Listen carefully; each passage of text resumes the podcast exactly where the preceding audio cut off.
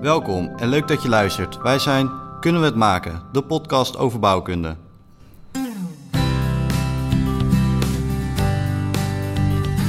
Een project met, met de grootste mol van de wereld. Een enorm groot dinosaurus pretpark met 48 wolkenkrabbers. Als je gewoon een, een project krijgt, dan wordt gewoon van je verwacht dat je na acht maanden, negen maanden, dat je gewoon bezig bent met de bouw. Nee, ik vind Amerika, vind ik, eh, ik vind de architectuur vind ik heel saai. Ik verbaas me erover dat al iedere keer als ik terugkom in Nederland, dat er gewoon geen bouw is. Ik zie geen kranen.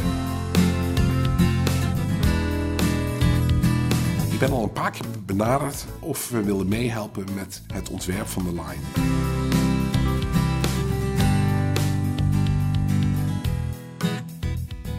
Met vandaag een hele bijzondere aflevering, namelijk een jubileumaflevering. Want het is onze 50ste podcast. Vandaar dat je niet alleen mijzelf hoort, maar ook Tom Dix, onze oude host. Nou, welkom. Goedemiddag. En wat doe jij hier nou weer? eh? Nou, precies wat jij zegt, eh, Ruben. Het is al eh, de 50ste aflevering. En ik kreeg de eer eh, om eh, dit jubileum met jullie weer te vieren. Dus ik heb een dagje vrijgenomen. Ik ben inderdaad ook geen student meer, maar eh, ik ben eh, weer voor één ochtendje terug op de campus in Eindhoven. Ja, Om eh, deze prachtige aflevering op te nemen, waar ik enorm veel zin in heb. en waarom deze aflevering?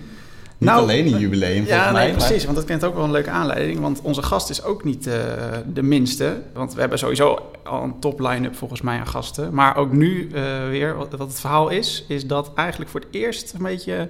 Volgens mij niet dat wij naar de gast toe kwamen, maar de gast indirect naar ons. en het is namelijk een tijd geleden dat voor de Cursor, ons eh, blaadje van de TU Eindhoven, die, die, die ging een keer ons interviewen. en eh, die, we kregen de vraag van, eh, nou, wat vinden jullie dan echt een eh, droomgast? Ik dacht van, nou, wat mij echt waanzinnig leek, en dat popte er toen gewoon op, is, is Bart Leclerc. En dat is iemand die ik ook alweer echt een tijd terug een keer in een aflevering voorbij kwam van Valerio Zeno, Valerio International van BNN. Wat toen eigenlijk in een hele, ja, eigenlijk Bart's rol eigenlijk op een hele hippe manier werd neergezet. En daar gaan we zo zeker nog even over praten, denk ik.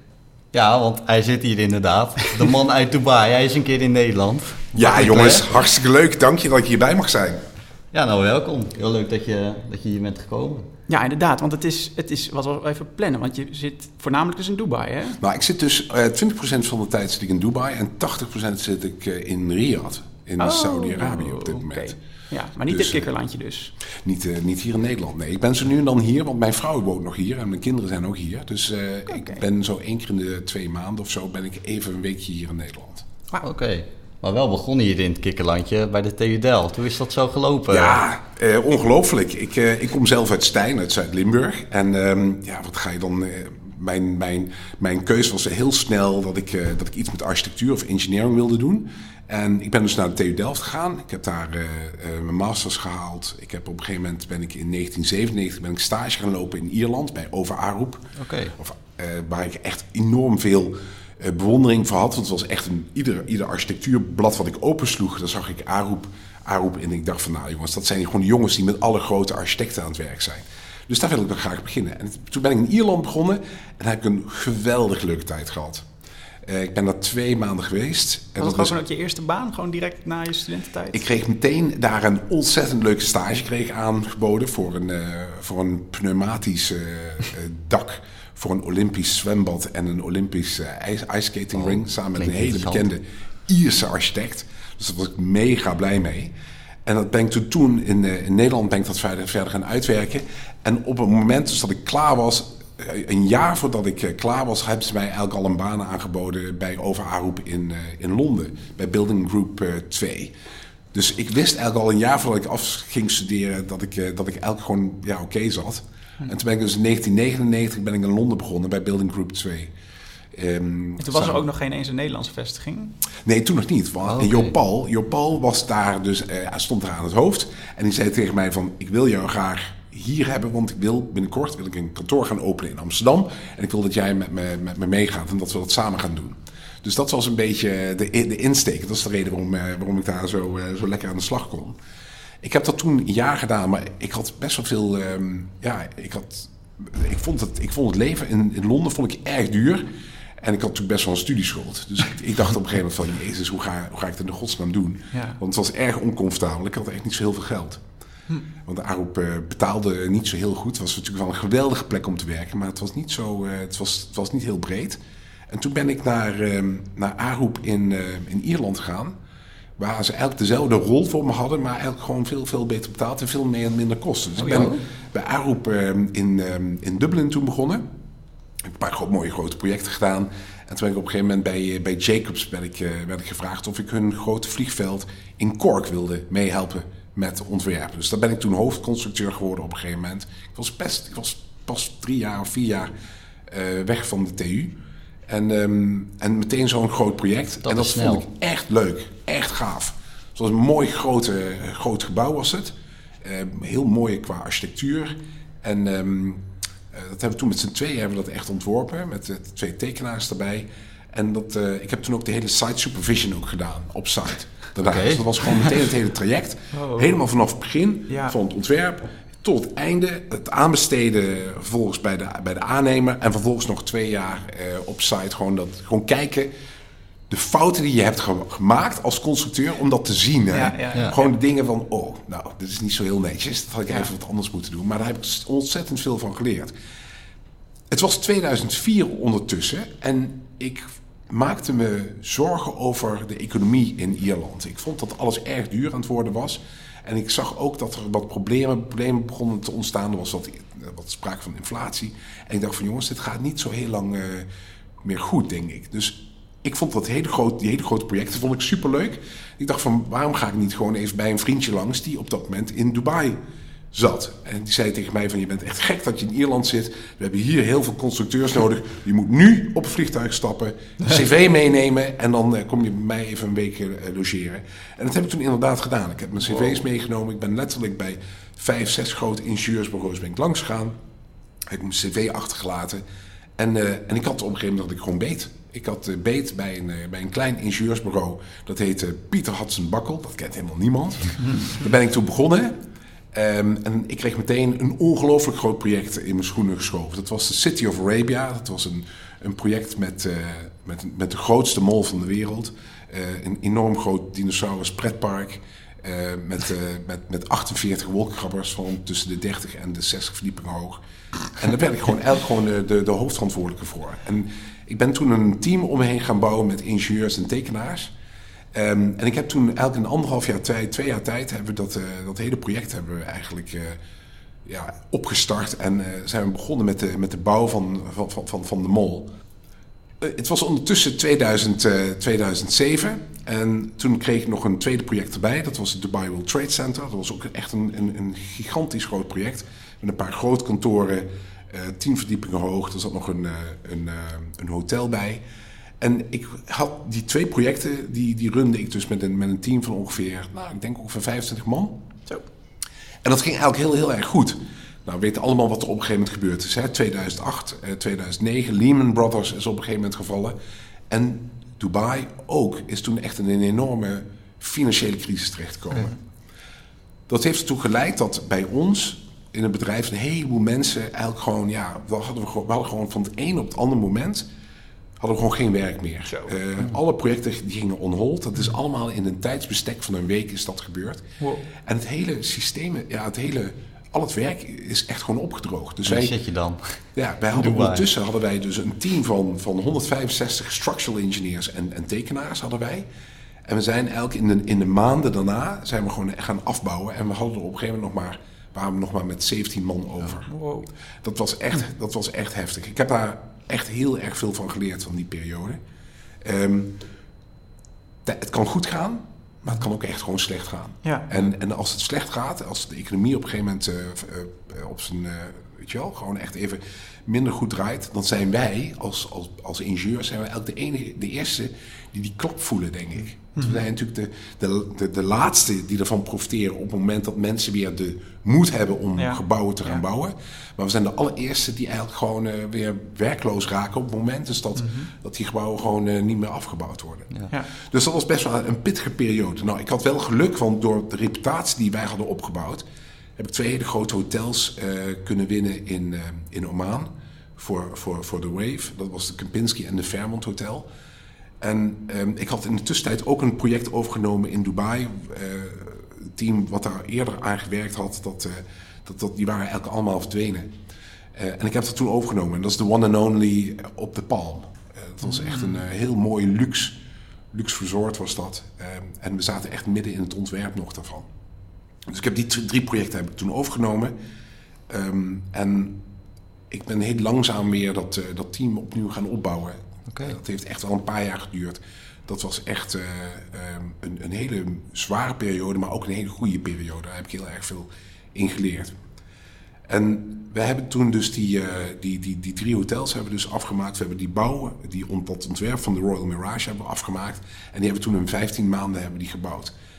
De sheik die daar dus de eigenaar van was, van dat hotel die had oorspronkelijk gebudgeteerd dat hij rond de 600 miljoen dirham nodig had. Dus dat was ongeveer, laat zeggen, zo 100, rond 160 miljoen dollar had hij nodig voor die bouw uh, van dat hotel. En hij heeft, toen die crisis begon, heeft hij dat ding dus eigenlijk gewoon heel goedkoop kunnen aanbesteden.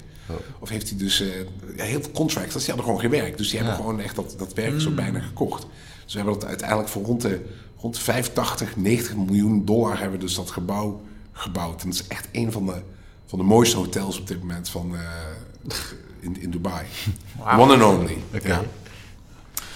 Nou, daarna uh, kwamen de ene na het andere project kwam er bij ons binnen. Want we hadden echt een hele goede reputatie opgebouwd. Want als je teruggaat van 165 man naar, 5, naar, naar 17, ja. dan kun je je voorstellen, dan heb je alleen nog maar je allerbeste ingenieurs en hmm. tekenaars heb je gewoon in je team. En dat, en dat was op een gegeven moment werd dat gewoon uh, bekend in Dubai. Dat was zo'n ongelooflijk. Uh, um, dat was gewoon de, E-team die we. en, en we zijn daarmee hebben we echt het ene na het andere mooie grote project hebben toegewonnen. we hebben onder andere dat grote stadion heb je gezien hè, in, mm. in Alleen. Dat was uh, het Haza bin Zayed Stadium. De jongens van BAM die hadden de tekeningen gekregen. Dat, die waren aan het tenderen voor, dat, voor het project om dat te bouwen. En die gingen door die tekeningen heen en die zagen dat, dat, dat die constructie heel erg complex was. Mhm. En die hebben toen aan ons gevraagd van jongen, Bart, kun jij met je team er eens naar kijken en dat gewoon vereenvoudigen? Het is ontworpen door Thornton Tomasetti. Ja. Maar we zijn bang dat ze de, de earthquake code die ze hebben toegepast, dat ze die echt gewoon te, dat ze daar gewoon te hard in zijn gegaan. Dus dat ze dat veel te conservatief hebben gedaan. Ja. Wij hebben er toen naar gekeken en we hebben een paar hele gecompliceerde constructiedelen hebben we eruit kunnen halen. Waardoor we dus eigenlijk bijna 10% van het, van het betonwerk, en vooral het moeilijke betonwerk, hebben we eruit kunnen halen uit dat ontwerp. Waardoor BAM dus een alternatief bid kon, uh, kon indienen. Hmm. Waardoor zij dus uiteindelijk dat project gewonnen hebben. En toen zij dat project wonnen, hebben wij het natuurlijk verder helemaal uitgewerkt, hebben het getekend en hebben we dat ding uiteindelijk gebouwd. En dat was echt een ontzettend mooi, mooi, mooi succes weer. Ja. Echt een mooi project geworden. Um, zo. En daarna kwam gewoon het ene na het andere project van binnen. Onder andere Zabil, uh, Zabil One. Dat is die twee prachtige torens met het grote horizontale stuk ja. daartussen. Die hebben we toen gewonnen. Uh, we hebben Atlantis 2 hebben we gewonnen. Uh, de Fairmont op de Palm. Uh, ja, het is toen... echt, echt half Dubai dus. Ja, het is wel. Nou, niet, niet half Dubai, maar wel echt een heleboel van de mooie, iconische projecten hebben we toen gewoon binnen, binnen kunnen halen.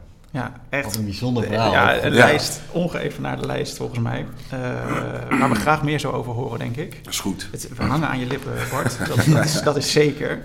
Uh, ik denk nog één vraagje nog voordat we een bruggetje maken. Nog even een klein uh, vraagje over de persoon achter deze Altijd Moois. Ja. Heb je namelijk bijvoorbeeld tussen al deze drukte nog andere hobby's die eventueel niet bouwkundig gerelateerd zijn? Ja, heb ik. Ik, uh, ik ben een heel. Uh, ik, ik, ben een, echt een fanatiek woestijnrijder geworden. Ja, oké. Ja, dus ik, heb, ik vind het leuk om. om vooral Nissan Patrols, dat vind ik gewoon mooie, mooie, mooie, mooie auto's. Hè. Dat, dat zijn van die grote 4x4's zijn dat. En dan grote banden eronder, een beetje een liftkit erbij en dan de motor een beetje getuned. En, dan, daarmee, daarmee door, door, door de woestijn heen rijden, dat vind ik echt prachtig. Dus dat doe ik heel veel. In Dubai heb ik dat heel veel gedaan.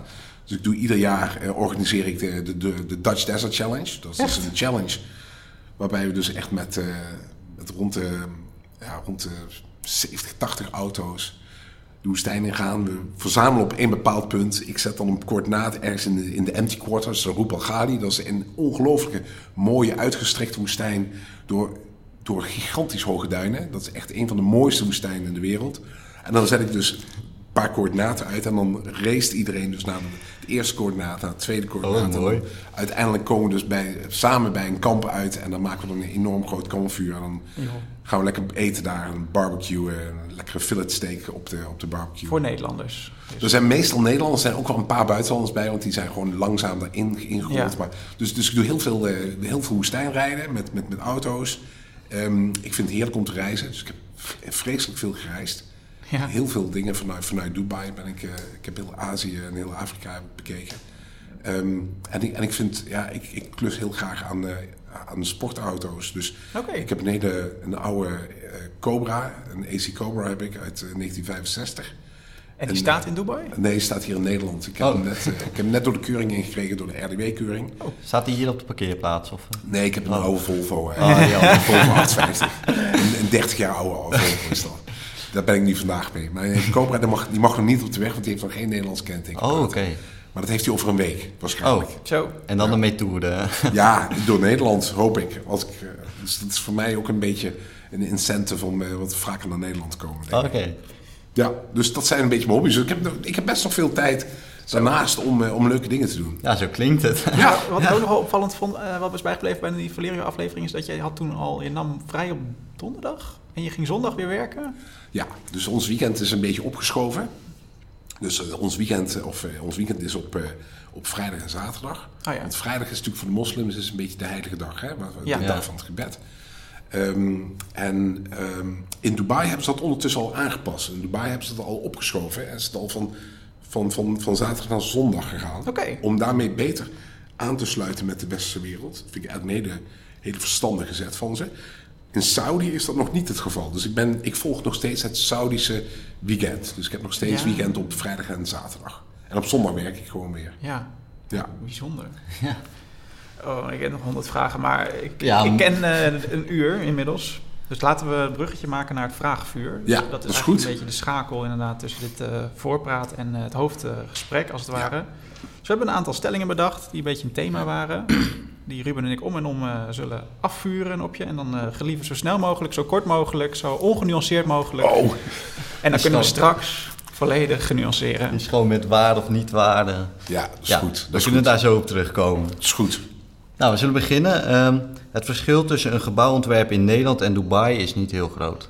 Ik heb echt geen idee. Nee. Ik heb echt geen idee. Ik heb nog nooit een, een gebouw ontworpen in Nederland. Oké, Ja, ik oké, heb echt geen antwoord idee. gegeven. Eh, stelling 2. Ik zou een shift naar houtbouw omarmen. Naar, naar houtbouw, ja, absoluut. Geweldig. Oké, duidelijk. Antwoord gegeven. Super. Ja. Opdrachtgevers in Dubai is een vak apart.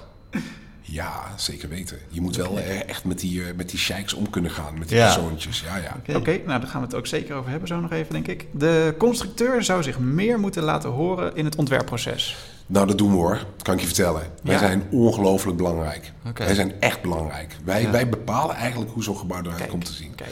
En, en, en dat is echt gewoon eh, een ongelooflijk... Ja, sorry. Ja, maar we, we zijn mega belangrijk. Belangrijk. Dus zou ze dat meer moeten doen? Ik weet, ik weet niet hoe ambitieus mensen zijn, maar ik, ik, ik heb echt een enorme stempel. Druk ik op de manier waarop het gebouw eruit komt. Oké. Hoe gekker de architect het bedenkt, hoe leuker mijn werk.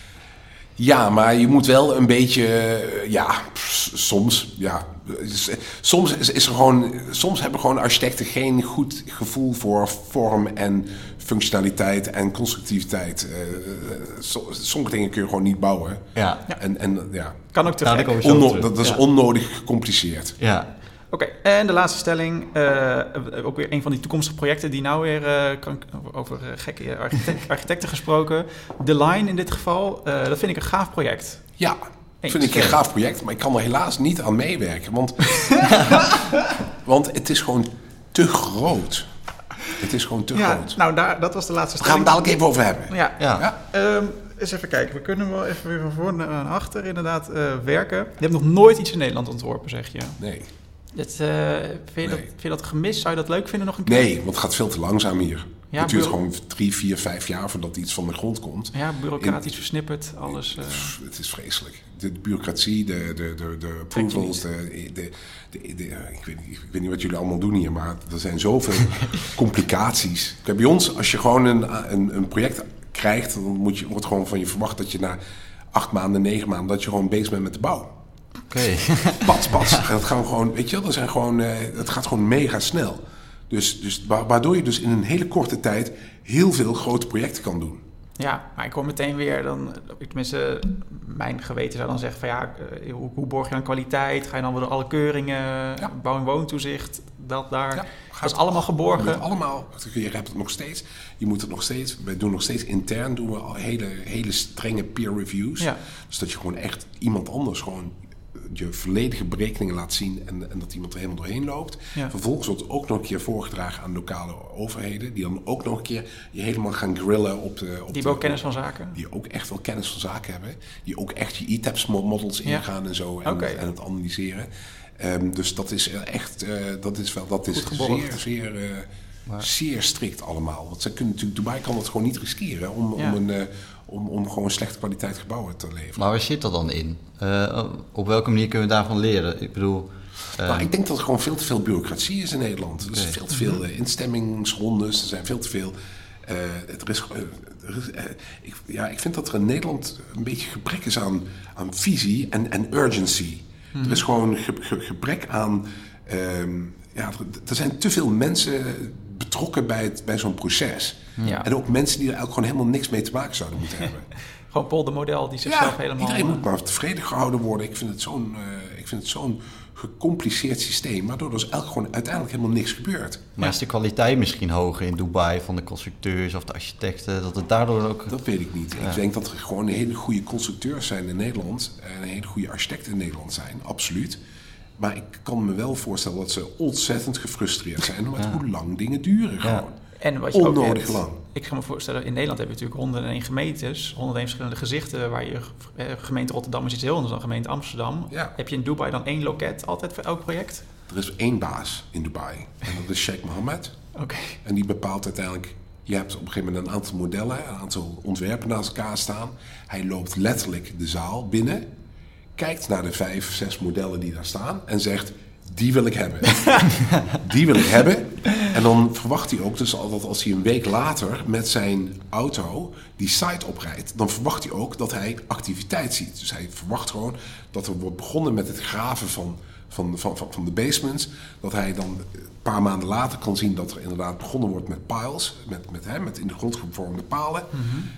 Er is gewoon een, er zit gewoon een enorme druk achter om die dingen gewoon gebouwd te krijgen. Zo. En dat, is, eh, dat maakt het voor mij superleuk en interessant. Er zit gewoon echt gewoon, er zit gewoon snelheid achter. Oké, nou Ja, helder. je ontwerp staat ineens. Ja, ja, Ja, wie- inderdaad. Elke Ja, constructeur maar wil veel. niet. Ja, maar ook veel. Ik, weet je, ik kan gewoon door Dubai heen rijden en die, die, die, Ja. die. Het zijn, het zijn allemaal, ja, het is ge- gewoon geweldig. Ja. Misschien nog een andere. eh, De, de volgende stelling die we deponeerden net was de, de houtbouw. Hmm. Het Dubai is één grote steen. Dus Alles, alles is, in alles is beton. beton bijna. En er is een heel klein beetje staalbouw.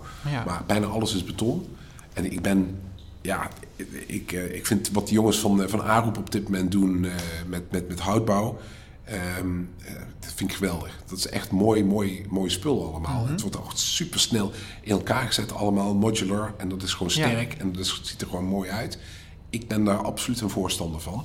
Het is alleen een probleem, dus dat je wel alles vanuit het noorden, vanuit Noord-Europa, daar naartoe Ja. moet brengen, transporteren. Dus dat is wel eh, op zich wel een nadeel, want je hebt natuurlijk heel weinig hout in het Ja. Midden-Oosten. Ja. Maar ik vind het absoluut, ik vind het voor Nederland en voor, voor Scandinavische landen en heel Europa vind ik het echt een, Ja. een super mooie, mooie oplossing. En ik hoop echt dat we veel meer daarvan gaan zien. Maar jij en ik weten allebei dat in één keer t- 200 meter in hout, dat bestaat nog niet. En dat is een hele dat lastige klopt. uitdaging. Dat klopt, ja. Zou je dan daarvoor inle- inleveren en weer terug naar wat kleinere gebouwtjes gaan? Of zou je de engineering uitdaging aangaan? Nou, ik zou die engineering uitdaging wel aan willen gaan. Maar ik denk wel dat we, wat hebben we op dit moment? We hebben net een heel mooi, we hebben net hout hebben we opgeleverd Amsterdam. hè, in Amsterdam. Dat is 20 verdiepingen. Dat is iets 70 meter volgens mij. 70 meter, hè? Ja. Nou, Ja, er zit wel veel Betonnen beton nog steeds wel in. Ja, er zit wel een betonnen Dus ja. kern in. Maar die heb je ook gewoon nodig voor je stabiliteit. Hè? Dus de, die houden gewoon lekker erin. Dus hybride. Ja, ja precies. Eh, nee, ik vind het echt... eh, ik, ik- en ik denk dat we die... eh, gewoon de, de grenzen wel daarvan moeten gaan, gaan, gaan verkennen. Ja. Daar ben ik absoluut voor. En is het dan ook weer de rol van de constructeur eh, om dat te promoten bij de opdrachtgever? Van hé, hey, eh, weet je wel hoe vervuilend beton is? Kun Nou, ik denk, dat, eh, ik denk dat heel veel opdrachtgevers er al bewust van zijn. En ik denk ook, als je zo ziet wat een, wat een mooi gebouw hout is bijvoorbeeld... Mhm. en hoe mooi dat met, met, ja, met die parametric design, hoe dat ontworpen is... dat vind ik echt helemaal prachtig. Ik vind echt dat die jongens van Aroep daar echt een ontzettend mooie klus aan hebben gehad. Dus ik hou het wel in de gaten hoor, allemaal. Ook Mhm. vanuit, vanuit Dubai. Ehm, ja, ik zie daar gewoon eh, heel veel mogelijkheden nog in. Denk je dat je dat kan aandragen in Dubai? Dat is Nee, nou- nee, nee nog, nog, nog niet. Dat speelt ook helemaal niet. eh, Nou, ze zijn heel erg bezig met, eh, met 3D-printen. Dat willen ze heel graag. Er zijn een paar hele gecompliceerde eh, gebouwen die ze op dit moment willen bouwen. Bij Al Ula bijvoorbeeld, dat is helemaal in het noorden. Dat ligt heel remote, dat ligt heel ver weg van alles. En ik denk dat dat soort gebouwen je eh, absoluut met, met 3D-printen alleen maar kunt gaan, gaan bouwen. Want er is verder geen, er zijn geen aannemers verder. Je moet gewoon een hele slimme manier bedenken Ja. om die dingen op zo'n hele moeilijke locaties om die te gaan bouwen. ja, bijvoorbeeld duurzaamheid of zo, daar, daar zijn ze niet zo mee bezig. Of, Daar zijn ze wel mee bezig, maar het is op dit moment niet de, de, de, de, de, de, key, de key driver. Ja. Ze zijn er wel mee bezig. Ze zijn bijvoorbeeld, vooral in Dubai zijn ze er heel erg mee bezig, met duurzaamheid. Ze zijn, ze zijn een van de allergrootste solarparks in de wereld zijn ze aan het bouwen daar. Ik weet Op energiegebied. Ja, op Ja. energiegebied. Ze zijn ook echt bezig met, eh, met lead. En met, eh, ze hebben hun eigen, hun eigen systeem.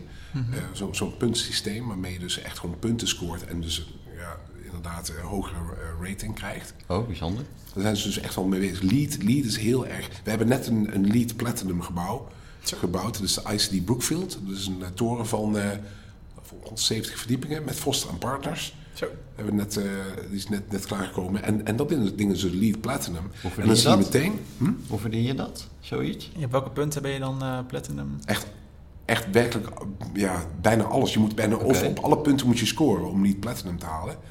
En omdat we dus Lead Platinum wel hebben gehaald...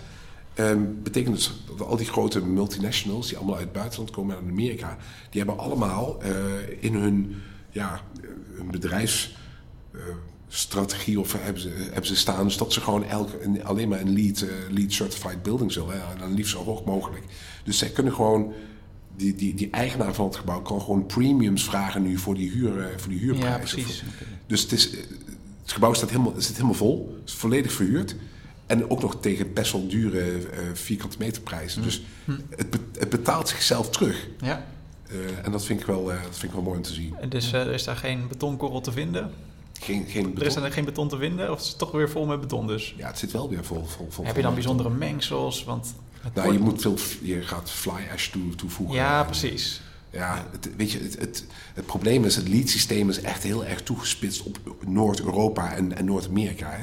Dus er zijn een paar dingen die eigenlijk gewoon best wel onlogisch zijn voor het Midden-Oosten. Bij ons in het Midden-Oosten gaat het over eh, het conserveren van water. Eh, hoe, Ja. hoe, hoe, hou je de, hoe hou je, hou je de warmte eh, eruit? Ja. Eh, weet je, hoe, natural ventilation is ook gewoon lastig. Dat is, Ja. Eh, Ja, lijkt me een enorme uitdaging. Zullen we daar ook zo nog even over Ja, hebben? inderdaad. Oh man, echt. Wat ik ook nog wel interessant vond, de line.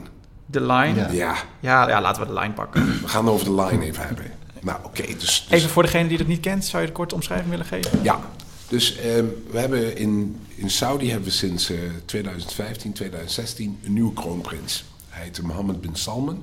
En de kroonprins is een ongelooflijke eh, ehm, progressieve eh, man die dus heel veel investeringen doet op dit moment in nieuwe gebouwen en in entertainment. En die wil echt van, van Saudi een, een toeristendestination maken. Hij zegt van, eh, we zijn enorm veel bezig geweest met religie, maar we moeten dat land opengooien. Het is een schitterend land. We moeten mensen van buitenaf moeten hier naartoe halen. Er zijn ook heel veel Saudis die in Dubai of in Saudi zelf zitten. En dus iedere keer eh, op vakantie gaan ergens anders naartoe. Of naar Thailand, of naar Dubai, of naar Bahrein. En daar gewoon echt miljarden dollars eh, per jaar uitgeven. En hij zegt van, ik wil dat geld wil ik gewoon in het land houden. Dus wat hij heeft hij nou gedaan? Hij heeft een aantal grote projecten heeft hij aangekondigd. Waaronder Kedia, Red Sea en ook eh NEOM. En NEOM is eigenlijk het allergrootste. Want daar gaat het allermeeste eh, van, zijn, van zijn geld op dit moment in zitten. Van, dat, dat is een meest ambitieus. Dat wordt echt zijn legacy. Tenminste, dat wil hij graag. Nou, een van de projecten binnen NEOM is dus de line. En het idee is dus dat je 140 kilometer, een lange stad hebt. Echt Een lange bizar. 140 kilometer. Kilometer, hè? 100 140 kilometer. Het, het, eh, de line wordt eh, 500 meter hoog. Een grote spiegelwand aan beide kanten. Hij wordt 500 meter hoog, hij wordt 200 meter breed. En eh, dus inderdaad die 100, eh, 140 kilometer lang.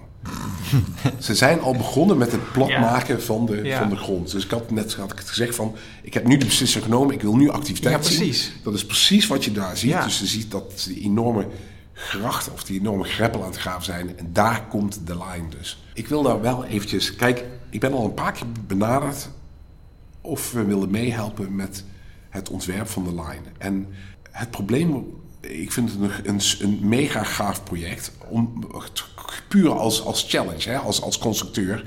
Maar ehm, het, het probleem is de grootte, is de schaal. Daar heb ik echt een, een issue mee. En er zijn er weinig mensen die zich dat realiseren. Ik heb natuurlijk veel ervaring met het ontwerp van hele grote gebouwen. En ik ga even een rekensommetje met jullie maken. Want het is misschien wel leuk om daarmee een klein beetje een idee Ja. te krijgen waar we het over hebben. Hè? Ja. Ze willen nu dus, dat ding is dus 140 kilometer lang. En het bestaat uit 175 segmenten van 800 meter breed. Ja? Dus een grond, eh, een oppervlak van, van 800 bij 200 en dan 500 meter hoog. Ja. Nou, een 500 meter hoog gebouw, hoeveel verdiepingen kunnen we erin doen? Als we vooruit gaan van, van, één op, van 4 meter ongeveer, floor to floor, dan kunnen daar 125 verdiepingen in. Ja? Nou, oké, laten we ervan uitgaan dat er een, een grote opening in het midden komt ook. Ehm, want het middenste stuk is inderdaad open, dat is een soort van atrium. Dus zijn eigenlijk gewoon. We hebben dus over een, een, een vloeroppervlak van, van 160.000 vierkante meter per vloer. En laten we zeggen dat de helft daarvan void is. Dus we hebben het over 80.000 vierkante meter per vloer. Dan doe je dus maal 125. Dus we hebben het over 10 miljoen vierkante meter per segment van 800 meter breed. Nou, als je ervan uitgaat dat ongeveer de gemiddelde kosten van de bouw van zo'n gebouw, dat is meestal zo rond de, rond de 3000, laten we zeggen 3000 dollar. Dat is aan de lage kant, Ja, dit wordt ja. duurder. Maar laten we zeggen 3000 dollar per vierkante meter. Dan hebben we dus 3000, ehm, dat vermenigvuldigen we dus met die, met die, met die, met die, met die, 10, die 10 miljoen. Dus we hebben het over 30 miljard. 30 miljard dollar om één segment van 800 meter breed te bouwen. Dat moet je dan vervolgens vermenigvuldigen met die 175. En dan heb je dus de totale kosten van dit gebouw. Heb je dus. Ja, dus dat is dat even is puur dus vanuit 30. financieel oogpunt. Hè? Dat is gewoon Dat is puur, puur, dat is Ja. puur de, de een hele simpele constructeur die even denkt van... oké, waar hebben we het hier over? Hoeveel vierkante meter hebben we het over? Hoeveel gaat het kosten om dat te bouwen? Als je dan ervan uitgaat dat je als, als architectenbureau of ingenieursbureau... daar ongeveer... normaal heb je dus ongeveer 2% van je fee... gaat in alle engineering en alle ontwerpen gaat zitten. Dan heb je het dus over een bedrag van rond de 30... eh, nou ja, eh, laten we zeggen, we pakken 1%. Want Ja. er, komt veel, er zit veel repetitie in Ja. en zo. Helemaal goed. Dus dan hebben we het over 300 miljoen dollar om het ding te ontwerpen. Nou, MBS wil dat ding dus binnen een jaar eh, dat het begin, begonnen wordt met de bouw. Laten we zeggen dat dat gewoon twee jaar duurt. Laten we zeggen dat dat 25 maanden duurt om zo'n ontwerp helemaal te doen. Van één segment. Dan moet je dus die, die, die 300 miljoen ja, die deel je dus door 25. eh, Dan pak je dus 1% van. Of tenminste, 300 miljoen is dus onze fee. En dan pak je dus, dat deel je dus door die 25. Dat betekent dus dat je gewoon 800 mensen nodig hebt, ingenieurs en tekenaars, om dat gebouw Ja. te, te, te bouwen. Ik heb zoveel mensen niet. Ik heb 175 man in totaal op dit moment. Ik heb gewoon niet meer. Dus voor mij is dat gewoon een, eh, een, een, een risico. Dus dat, waardoor, eh, als ik eraan zou beginnen, in, hoe leuk ik het ook vind als uitdaging, als, als challenge, voor mij is dat een te groot risico om met 150, 70 man Ja. zo gebouw. En dan heb ik ook alle mijn mensen op één project zitten. Ja, Ja. En dat wil ik ook niet. Ja. Ja, Ja, want ik wil, ook, ik wil ook een paar torens doen in Dubai. Tuurlijk. En ik wil Ja. ook eh, Ja. in, in, in Saudi een aantal vijf sterren, zes sterren hotels. Uiteraard. Ja, dat begrijp ik. Dus dat is de reden waarom ik dat eh, daar niet, niet Eh, bij Je kan ook niet water bij de wijn doen. Nee. Of zeg van eh 70 kilometer is ook leuk. Eh, Ja, dat kan op zich wel. Ik heb, ik heb nu dus alleen maar over de bouw van één segment. hè. Oh ja. Ik heb het over, over het bouwen van 800 meter. Alleen maar. Dan heb je al 800 Maar hoe meter. doen die... Want er is dus een partij die wel heeft toegehapt. Nou, dat, dat zijn een heleboel van die kleine architectenbureautjes en ingenieursbureautjes die daar, die daar instappen. Ja, maar die gaan allemaal, die gaan allemaal nat, joh. Kunnen die wel eh, samenwerken? Die, eh, Ja, maar hoe ga je dat doen, joh? Ga je, ga je, ga, ga je tien van die architectenbureaus bij elkaar voegen? Ik weet het niet, hoor. Dus eh, ik wat- vind dat... eh, waar laat- nu die gul wordt gegraven, hoe ziet die gul er over tien jaar uit? Ik heb het vermoeden dat misschien één, één van die segmenten ooit gebouwd gaat worden. Maar dat gaat ook weer... Dat is ook weer een kleine berekening. We hadden het net over 30 miljard, hè? Ja. Ja. Een aannemer in het Midden-Oosten kan maximaal voor 50 miljoen dollar per maand aan omzet draaien. Dus dat betekent dat je het gewoon over... Je hebt er over 600 maanden duurt het om één segment te bouwen, ja? Dat is 50 jaar. 50 jaar om één segment te bouwen door één main contractor. Een grote aannemer hebben we het dan Ja, over. dat is krankzinnig. Ja, dus het is, het, is, het is voor mij, het is gewoon, het is voor mij gewoon te groot. En ik, Ja. ik, ik, ik, ik besef me hoe groot het ding is. En ik heb het gevoel dat een heleboel mensen zich niet beseffen hoe groot het Ja. ding is. Nee, inderdaad. Ik kan me ook voorstellen, dit, jij zei, jouw voorspelling van misschien doen ze er één niet afgebouwde projecten. Is dat een issue in Dubai of eh, in die omgeving? Ehm, ja, kijk, op het moment dat zo'n financiële crisis er is, dan merk je wel dat een paar van die projecten gewoon niet afgebouwd gaan worden. Ja. Dat vind ik gewoon, dat vind ik gewoon, dat vind ik gewoon pijnlijk om te zien. Ehm, gelukkig in, in, in, in, in, in Dubai valt het op dit moment wel mee. Er worden ook veel, veel gebouwen weer afgebroken die niet afgebouwd zijn. Eh, maar ze zijn ook, eh, ja, in, in Saudi is het een heel ander verhaal. Er zijn heel veel projecten die dus tot ongeveer 75, 95% worden afgebouwd. En dan dat laatste, die laatste 5% wordt dan niet afgebouwd. Dus dat zo'n gebouw staat er dan te, te verkrotten. Ja, Oh, het is echt heel pijnlijk om te zien. En ik heb daar echt heel veel moeite mee. Ik wil gewoon niet dat soort projecten in mijn portfolio hebben. Oké, interessant. Ik, heb, ik wil nog één verhaal, een leuk verhaal vertellen over... ehm, eentje. ehm, Nog eentje. nog eentje. Ik heb op een gegeven moment, eh was ik bezig met City of Arabia... en ik had een aantal tekenaars had ik nodig. En ehm, een, van, eh, een van de plekken is, is de Filipijnen. Er zijn heel veel jonge, goede tekenaars en goede ingenieurs. Dus ik heb op een gegeven moment vier jongens gevonden. Die kwamen allemaal van dezelfde universiteit. En die zijn met z'n vieren zijn naar Dubai gekomen. En die heb ik dus aangenomen als, eh, als kattekenaars. Ehm, die, zijn toen, eh, die waren s'avonds, zag ik, waren die bezig met, eh, met e-tabs. Oké, om, om, om, om gebouwen te analyseren. En ik zei van, hé, dat, is, dat is leuk.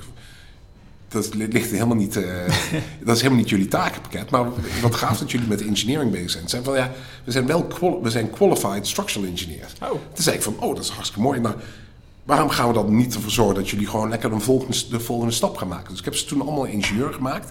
En ik heb ze alle vier heb ik ze een mentor gegeven. Een principal engineer die dus hun Ja. zou gaan, gaan trainen en gaat zou kijken van hoe goed zijn die jongens nou. Nou, drie van de jongens die waren echt geweldig, hartstikke goed. Maar er was één jongen, die was Rudy, en die was echt geniaal. Die was zo vreselijk goed, dat hij, hij, hij was zo slim, ik kon gewoon geen fouten ontdekken in zijn denkwijze.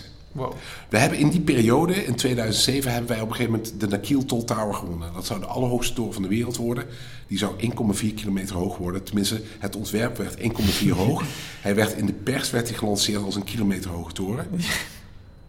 En toen is Bart Sullivan van Kantasenuk uit New York is speciaal overkomen vliegen. Dat was gewoon onze allerbeste wolkrabberontwerper binnen, binnen WSP. Die is toen begonnen in Dubai. En die kwam naar mij toe en die zei... Bart, ik heb, ik heb de allerbeste E-Tabs modeler heb ik nodig. Want wij moesten, waar we het net over Ja. hadden... ik moet deze tekeningen en deze modellen... Moet ik, moet ik aan de lokale overheden moet ik laten zien... dat we dat ontwerp goed hebben gedaan. En willen dat hele ontwerp willen we in de E-Tabs doen. Toen zei ik van nou... Bart, ik heb, ik heb, ik heb Rudy hier voor je... En ik heb, geen, ik heb nog geen enkele flaw kunnen ontdekken in zijn denkwijze. Dus misschien, ja, jij bent nog beter daarin. Ja. Misschien kun jij eens kijken, kun jij me eens echt gewoon, eh, gewoon testen. Die twee jongens hebben dus met z'n tweeën, hebben ze dus die Nakil Toll Tower hebben ze dus ontworpen. Echt in, in no time. En toen op een gegeven moment wij eh, de, de Freedom Tower in New York wonnen, eh, om daar het ontwerp van te doen. Toen is Bart Sullivan speciaal daarvoor teruggevlogen naar New York. En toen heeft hij aan mij gevraagd van... ik wil Rudy graag met me meenemen. Want ik wil graag dat Rudy eh, met mij die, eh, die, naar, die de Freedom Tower gaat ontwerpen. Ja. Toen zei ik van, dat vind ik, dat vind ik op zich vind ik dat goed. Maar je moet wel voor... Ja, ik vind het pijnlijk dat ik zo'n ontzettend goede ingenieur verlies. Want die kan ik echt ontzettend goed gebruiken hier in Dubai. Maar ik vind het geweldig dat hij gewoon zo'n kans krijgt Ja. in New York aan dit gebouw. Dus absoluut mag, mag hij gaan. Maar ik beloof je wel dat ik één keer in de drie maanden ga ik contact opnemen met Rudy. En ik wil zorgen dat ik, wil weten of hij happy is. En als hij niet happy is, haal ik hem meteen weer terug naar, naar Dubai. Dus je, je Dus je moet echt absoluut ervoor zorgen dat die jongen gewoon echt gewoon Dat je, hem- dat je hem tevreden houdt. Ja. en, en Rudy zit nu in, dus in New York en is gewoon een van de allerbeste wolkenkrabberontwerpers van, eh, van, Oh. van, van, van Noord-Europa of van, van Noord-Amerika. Dus dat vind ik een ontzettend leuk verhaal om. eh, Zo. ja. Ja. dat vind ik gewoon geweldig. Dit soort dingen gebeuren dus ook gewoon. Ja, hè, in ons dus je bent soort van verloren, maar hij blijft wel zeg maar, binnen de WSP-paraplu. Ja, ja nou, ze zijn alle twee nu ondertussen overgestapt naar McNamara. Hè, Oh, ander, ja. hier. Ja. Maar ja, dat ze nog steeds bij elkaar zijn, eh, dat ze nog steeds samenwerken, dat ze nog steeds echt de meest bizarre grote gebouwen Ja. in, eh, in, in, eh, in Ja. New York doen, vind ik echt gewoon Heel super gaaf. Gekker wordt het niet. Nee, en dat is allemaal, dit is allemaal in een tijdbestek gebeurd van, van vijf, zes jaar. Hè? dus dat Ja. ging echt Ja. gigantische stappen. Dus, Ja. dus, dus dat is het leuke van Dubai. Daar krijg je ontzettende kansen. En als je ze gewoon goed doet en aangrijpt, dan kun je een enorme, enorme snelle sprongen kun je maken. Ja. Dus het is gewoon de sky is the limit. Omdat alles zo snel gaat, kun je zelf ook zo snel gaan. Ja, absoluut. En je komt gewoon heel snel, kom je gewoon bovendrijven als je, als je gewoon capaciteit hebt. Ja. Maar wat ik me dus afvroeg, want jullie hebben dus ook in Amerika kennelijk een tak zitten. Ja, en we hebben in Londen ook uh, tax zitten. Dus Dat wel. hebben ook de, de Shard gedaan. Dat is mijn collegaatje eh, Cameron Mozami die Oké. de Shard in, eh, in Londen heeft gedaan. Maar dan hebben jullie best wel veel eh, kwaliteit nog erbij zitten. Ja, het- Absoluut. Dat is de absolute top, Ja, lijkt nee, wel. ja, dat is echt, dat, inderdaad. Je, je zit echt gewoon tussen, tussen ontzettend goede constructeurs eigenlijk. Werkt dat veel met elkaar samen, zo Ja. over de wereld? Als ik een vraag heb, dan eh, ik bel Cameron in, in Londen of ik bel Oh. Bart zelf in, in, eh, in, eh, in New York. Ja, zeker. We hebben echt best wel veel... eh, Dat lijkt me ook prachtig. We hadden op een gegeven moment hadden we een, een, een issue met, met een windtunnel. Met windtunnel analysis op, eh, voor- een bepaald gebouw. En toen heb ik Bart gebeld van... joh, jij, jij had toch op een gegeven moment ook issues daarmee... met, met deze specifieke windtunnel, eh, dit, dit lab. En wat, wat, wat, wat was die issue weer? Het is lang geleden, het is 15 jaar geleden... maar kun je dat nog herinneren? En toen kreeg ik een hele e-mail inderdaad... helemaal uitgelegd van ja, nee, dit was... die staan op de zwarte lijst en die moet je nooit meer gebruiken. Joh. Dus dat, dat soort dingen. Dus er zit heel veel Ja. communicatie nog steeds in. Oké. Ja, Zo. je komt elkaar ook echt overal tegen weer, hè? Je, je zei eh, voor de Freedom Tower dus in New York. Ja. En eh, dat, dat hele slanke spul. Ja, daar is ook, eh, volgens mij is WSP daar ook mee betrokken geweest. Die hele, die hele slanke, ja, die naald gewoon. Ja, die prachtig. Oh, dat vind ik zo mooi. Naast, naast Central Park. Ja. Ja. Zelf niet dus bij, of die indirect Nee, bij nee. Nee, Sowieso niks New York. Nee, in, in New York, ik had wel op een gegeven moment... Ramona had ik bij, bij ons, die zat in, in Dubai bij mij in mijn team. En die was wel bezig met, met de chart, met de detaillering van de chart en de structural engineering daarvan. mhm. Dus dat, is wel, eh, dat was wel, eh, wel, wel leuk om te zien. Dus wat, ik heb, het- wat dat betreft, het ontwerp van de chart heb ik wel van best wel dichtbij meegemaakt. Ja. Zit er nog enige ambitie in om ook een keer naar Amerika te gaan? Of, eh, Nee, nee ik niet. Amerika, vind ik, ik vind de architectuur vind ik heel saai. Ja. Ik vind, ik, vind het, ik vind het heel corporate nog steeds. Ik vind het nog steeds erg jaren tachtig. Ik vind het werk heel weinig innovation. Mhm. Ehm, en dat vind ik echt een nadeel van, van Amerika. Ik De vind smaak echt... van de prins beter. Wat zeg je? De smaak van de prins is beter. Nou, ze hebben gewoon meer, ze hebben gewoon meer lef. Ze hebben gewoon heel veel. eh, ze hebben gewoon echt een ontzettende behoefte om, om een legacy neer te zetten. Dus Ja. er zijn echt. De ene na het andere gebouw wordt er op dit moment in het Midden-Oosten ontworpen. Ja. Nou, het is geweldig. Maar ik kan me Ja, voorstellen, als je, daar, als je in dat tempo leeft en in die, in die, die sfeer inderdaad, dat je op een gegeven moment, als je dan weer buiten je bubbel, Dubai-bubbel kijkt, dat je denkt van jeetje, wat staat de tijd stil, wat gaat het langzaam, inderdaad. Ja. Als je zo gewend bent aan zo'n pace. Nee, dat klopt, ja. Nou, daar heb ik inderdaad van. Ik, heb, ik, ik verbaas me erover dat al iedere keer als ik terugkom in Nederland. Dat er gewoon niks gebeurt. Dat er gewoon geen bouw is. Ik zie geen graden. ik zie geen bouwactiviteit. Pas vanaf 11 begin te tellen. Ik zie, ik, zie geen, ik zie geen betontrucks rijden die beton storten. Ik vind het echt zorgwekkend.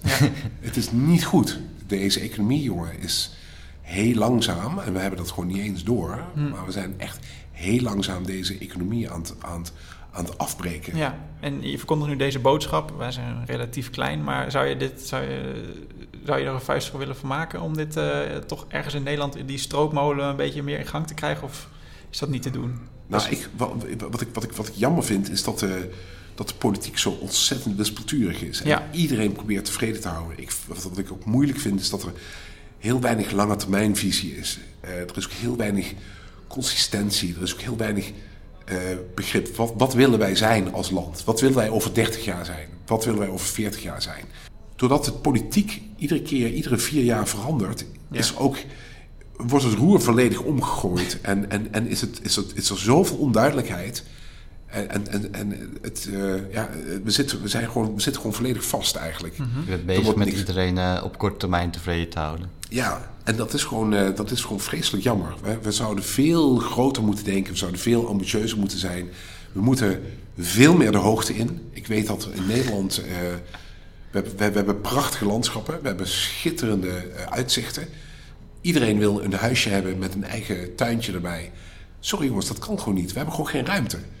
Het probleem is dat Nederland een, een imagoprobleem heeft. Uh, tenminste, hoogbouw heeft een imagoprobleem. We denken aan de jaren 70 en de jaren 80. Die vreselijke sociale woningbouwflats die we overal neergezet hebben. Ja. We kunnen hoogbouw ook echt heel mooi maken en heel aantrekkelijk. Met schitterende uitzichten, met schitterende locaties, met heel veel mooie, goede voorzieningen op de ground floor, met, met, met Mhm. retail en bioscopen en theaters. Maar we moeten gewoon veel groter gaan denken, grote projecten, eh, om daarmee gewoon die economie, gewoon, eh, die, bouw, eh, die bouwmarkt weer gewoon op gang te jagen. En we moeten gewoon eh, steden zoals Rotterdam doen dat wat dat betreft wel goed, vind ik. Ja. Want die zijn echt wel, wel een stuk beter bezig. Maar het mag, voor mij mag het tien keer Ja. sneller. Dan eh, wil ik het ook niet te lang over hebben, maar toch, eh, bijvoorbeeld, dan liggen we weer plat door een stikstofcrisis. Ja, Wat vind je daar dan bijvoorbeeld van? ongelooflijk, Ja. jongens. En dan hebben we het nu weer over het, het, het, het, het, het schrappen van vluchten van Schiphol. 40.000. Ja. Mijn god. We denken dat de verworvenheden die we nu hebben, dat die voor eeuwig hier zullen zijn. En ik kan je vertellen, dat is niet het geval. Als je gewoon deze dingen gewoon langzaam begint af te breken.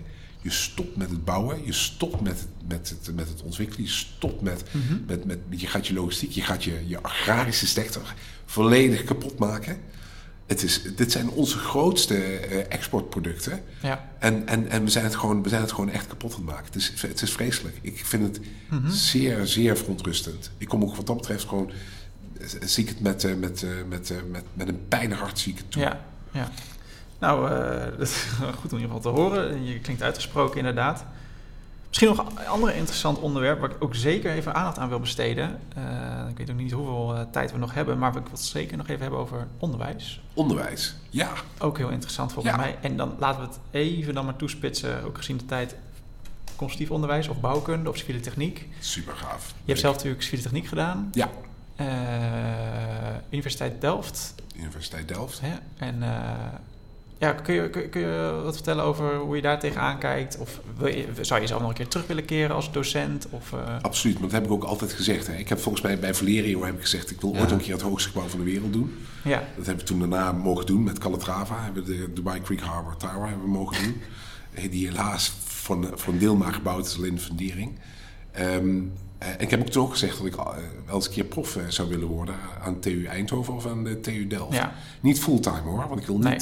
Eh, te veel ehm, in, in, ehm, in het onderwijs. Ik wil wel gewoon dat mijn core nog steeds eh, echt gewoon het Ja. werk is wat ik nu doe. Dat vind ik gewoon vreselijk leuk. Maar ik zou ontzettend graag gewoon die, ehm, die verhalen en, en de ervaring die ik heb willen delen met, eh, met, met studenten. En vooral mijn netwerk. Mijn netwerk is natuurlijk gigantisch groot. Met, alle, met alle grote architecten en alle grote constructeurs. Dus ja, het is super leuk om, eh, om dat over te dragen aan, aan jonge studenten. ja. Dus ik probeer ook in, eh, in, in, in Dubai en in Sharjah probeer ik dus nu en dan eh, gastcollege te geven. Oké. Ik ben regelmatig nog aan de TU Delft geweest, waar ik, waar ik nog voordrachten heb gedaan. Ik heb hier in Eindhoven ook een paar jaar geleden nog eentje gehad. Oké, een presentatie. Dus, dus, dus ik ben daar enorm... ja, ik doe dat erg graag. Dus als er mensen zijn die dat interessant vinden, dan hoor ik dat graag. Ja. Ja. Nou, wij wel, denk ik. Ja, precies. Ja, enthousiasme. Volgens mij ben je een goede ambassadeur van het vak. Ja, Ja. ik denk, zoals ik al zei, als ik, eh, als ik één iemand enthousiast mee kan maken en kan, eh, daar, daarmee kan overhalen om, om constructeur te worden, eh, ja, dan heeft, is, is mijn taak is, eh, is, is volbracht. Ja, En kan je op die manier ook iets van die instelling van Dubai hier naar Nederland brengen? Ik weet, niet of ik, daar, ik weet niet of ik daar genoeg invloed voor heb. Ik denk wel dat ik wat. Ja, ik, het, het- wat dat betreft, er zijn zoveel mensen zijn er betrokken bij het systeem zoals het nu is. Dat je het eigenlijk eerst helemaal af moet breken, volgens mij, voordat je het weer opnieuw Ja. moet, eh, kan, kan opbouwen. Het, we zijn zo dichtgeslipt, eh, we, zijn zo, eh, ja. we zitten zo vast in een moeilijk systeem. Maar ja, het probleem is volgens mij dat ook mensen worden gewoon mee opgegroeid. Hè? Mensen die gewoon opgroeien en werken in Nederland. geïnstitutionaliseerd. Ze weten niet beter. Ik vind het bizar. Ja, precies. En super jammer. En dat probeerden ze ook te laten zien van... hé jongens, zo kan het ook. Zo Kijk eens, eh, Ja. wat ik heb eh, meegemaakt. En misschien nog even, nog even wat over dat onderwijs. Ja. Ehm, ik kan me voorstellen dat je... Je bent natuurlijk ook wel even eh, van school af. Ja. Maar eh, wat vind jij nou met de kennis van nu? De, de wereld staat absoluut niet stil. Welke inzichten, welke kwaliteiten, welke kennis, kunde zou een eh, stu- student hedendaag moeten hebben? Wat zou je in zo'n curriculum stoppen? Welke vakken, vaardigheden? Nou, wat, waar, ik, waar ik uiteindelijk ontzettend veel eh, plezier aan heb gehad. En daar ben ik achteraf wel even verbaasd over. Is echt die, die hele hardcore mechanica van constructies. Gewoon echt het doorrekenen met de hand van, van constructies, van systemen. eh, weten hoe een vakwerk werkt. Ehm, ik denk dat ik daar nog steeds echt dagelijks eh, profijt van heb. Dat inzicht ook Dat misschien. geweldige inzicht Ja. om even heel snel even een schetsje te maken. En in een schets gewoon heel duidelijk gewoon kunnen doorrekenen wat het ongeveer, wat ongeveer de krachten zijn. Wat ongeveer, hoe, hoe het spel is, hoe het ding gewoon stabiel blijft staan. Allemaal. Ik heb daar eigenlijk uiteindelijk het Ja. meeste aan gehad. Dus eh, Ehm, dus echt gewoon dat, dat, dat hele simpele mechanica van constructie. Stapje voor stapje Mhm. zo'n ding gewoon doorknippen en, en analyseren. Ik, eh, ja, absoluut erin houden. En dan gewoon, eh, als je kijkt naar het, gewoon het materialenpakket, je dan gewoon een derde beton, een derde staal, een derde hout? Of eh, Ehm, ik, nou, ik vind een derde hout vind ik heel veel. ja, Eh, ik, ik vind absoluut beton en staal vind ik absoluut belangrijk. En ik zou zeker eh 20% andere materialen willen, willen gebruiken. Mhm. Wat dat ook is. En daar zit natuurlijk ook, ook, ook hout bij. Mhm. Maar ja, dat zijn gewoon wel de materialen waar we mee, eh, waar we mee door moeten. Hè? Waar, waar- waarmee we het moeten gaan doen. ja. Ja. Dus eh, dat moeten we gewoon wel erin houden, ja. En eh, digitale skills, gewoon eh, dat ze de laatste softwarepakketten kennen, parametrisch ontwerpen, Ja. programmeren. Ja, maar ik wil wel dat mensen dingen blijven testen met de hand. Dus dat ze ze nu en dan eventjes back to basics van jongens, even die computermodellen Ja. weg. Want je moet, ik ben soms bang dat het een beetje te veel een black box wordt. En dat je, eh, en, en, en dat is hetgene waar ik volgens mij heel veel, veel profijt aan heb gehad. Ik heb altijd heel veel van de jongens die gewoon in zo'n computerprogramma duiken, heb ik gewoon weten te, eh, weet je, met de hele simpele rekensommetjes heb ik gewoon kunnen, kunnen achterhalen of, of iemand gewoon oké is of niet. Ja, Dus ehm, dat voordeel heb ik gewoon gehad ehm, in, in Dubai.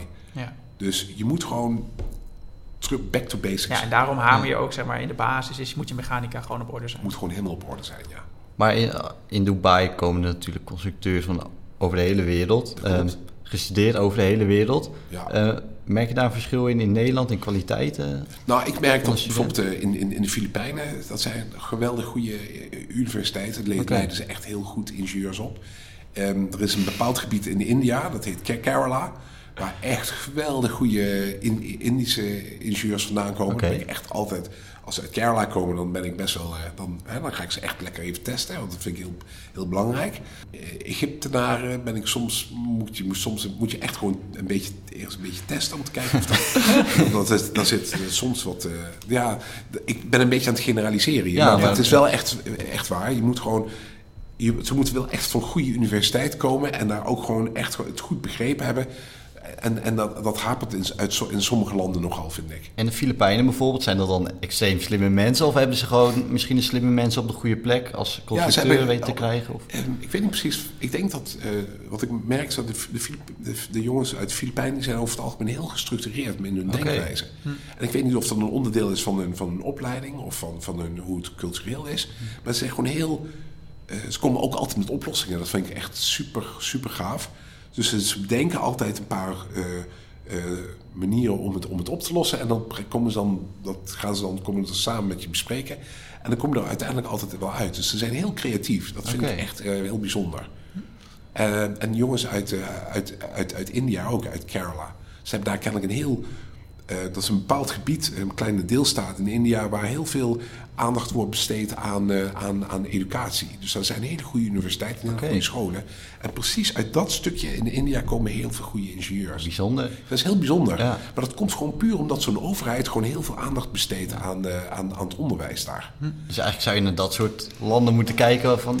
Totaal. Het doen. En, en dat is ook voor mij echt, de- voor mij is het heel erg duidelijk dat het onderwijs echt gewoon de, de absolute fundering is van, eh, van, een, eh, van een goede samenleving. Of van, een, van een slimme samenleving. van, eh, daar komen gewoon de goede, goede, goede mensen vandaan. Want nu we toch aan het generaliseren zijn, hoe zou je dan de, de, de Europese ingenieur eh, bestempelen? Over het algemeen goed, goed opgeleid. Toch wel? Ja. Ja. Oké. Ja, ik, zie, ik heb er niet veel hoor om me heen. Nee. Ik heb een paar jongens uit Ierland en een paar jongens uit Engeland om me heen. Ehm, heel weinig Nederlanders. Ja. Vind, ik, vind ik echt heel jammer. Blijft Ik hij in het land dan misschien? Ik weet het niet. Ik weet niet waar jullie zijn, maar eh, waar, jullie, waar jullie terechtkomen. Maar jullie, zijn, jullie zitten. Er is heel weinig. eh, Er is een heel, heel weinig stimulans om naar het buitenland te gaan, vind ik. En dat vind ik echt heel erg jammer. Want ik denk dat echt voor, voor Nederlandse jonge studenten. dat daar echt de kansen liggen en de mogelijkheden om, om echt, echt iets moois van je, van je carrière te maken. Ja, gezien de tijd doen we denk ik eh, toch een beetje varen richting al eh, onze standaard klassieke laatste vraag. Die eh, luidt, wat zou je graag willen meegeven aan studenten die deze podcast luisteren? Ja, eh, ik heb het zojuist al gezegd. Als je de kans krijgt om tijdens je, je studie een stage te doen in het buitenland, dan zou ik dat absoluut aangrijpen. Gewoon gaan. Er liggen, er liggen enorme mooie kansen op dit moment in het buitenland. En vooral, ik denk vooral in het Midden-Oosten. Ik zie ook heel veel mogelijkheden nog steeds in Azië. En ja, het is enorm eh, eh, goed voor je, voor je wereldbeeld. Eh, je krijgt enorm goed eh, door wat, waar de kansen liggen. Ja, Je moet best wel, als ingenieur moet je best wel, best wel agile zijn, vind ik. ja, Zoals ik al zei, je bent als ingenieur bij de laatste die profiteert van een, eh, van een boom. En je bent de eerste die de klap vangt op het moment dat, je, dat, dat het economisch wat slechter gaat. Dus je moet er voor zorgen dat je, dat je best wel snel kan schakelen. Je moet in, in staat zijn om, om snel een beslissing te maken. Ik ga dit nu doen, want dit is een go- goede plek om, eh, voor mij om een carrière voor te zetten. ja.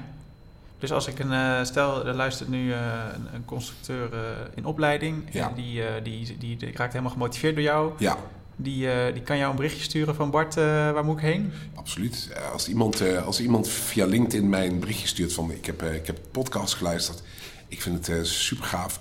Waar zou ik op dit moment, ik, ik ben gespecialiseerd, gespecialiseerd in dit specifieke eh, domein.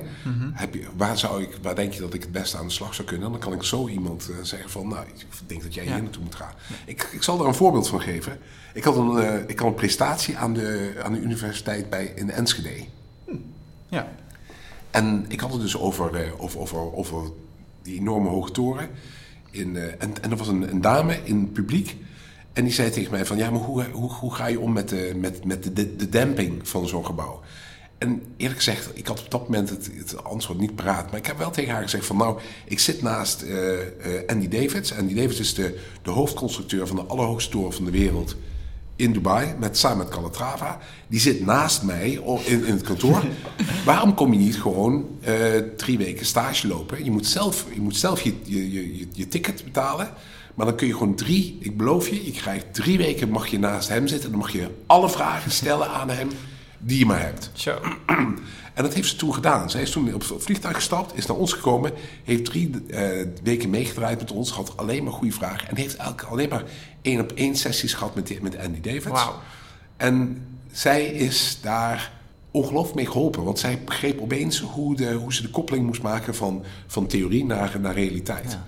En dat heeft, heeft haar toen, we hebben haar toen een baan aangeboden, hè, want ze wilde elk, ze was heel slim. Maar ze was Ze niet als wilde- student? Ze was toen student. Ja.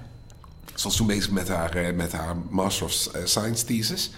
En zij zei van nee, nee, ik heb al een, eh, ik heb al een aanbod gekregen bij, bij een bureau hier in Nederland. Dus zij werkt helaas in Nederland. Ik had graag een onderdeel van mijn Ja. team gehad. Zoals, zoals een, een dame die ook echt uit, uit de regio, uit het Midden-Oosten kwam. Oké. Ehm, dus, maar dat vond ik super gaaf dat ik gewoon zo- Ja, zo'n ja, ja. mogelijkheid kon aanbieden. En ik denk dat, zeker dat ze, daar, eh, dat ze daar heel veel plezier in heeft gehad. Dus ja, dus, Inspirerend. Top. ja toch? Ja. Gewoon doen. Ja. Gewoon gaan. Ja, nou, Gewoon de vraag stellen. Net zoals ik zei van, ja, jullie willen dat ik een podcast kom doen met jullie. ja. Ja. Ja, Moet je me wel vragen. moet je me wel vragen, anders kom ik niet.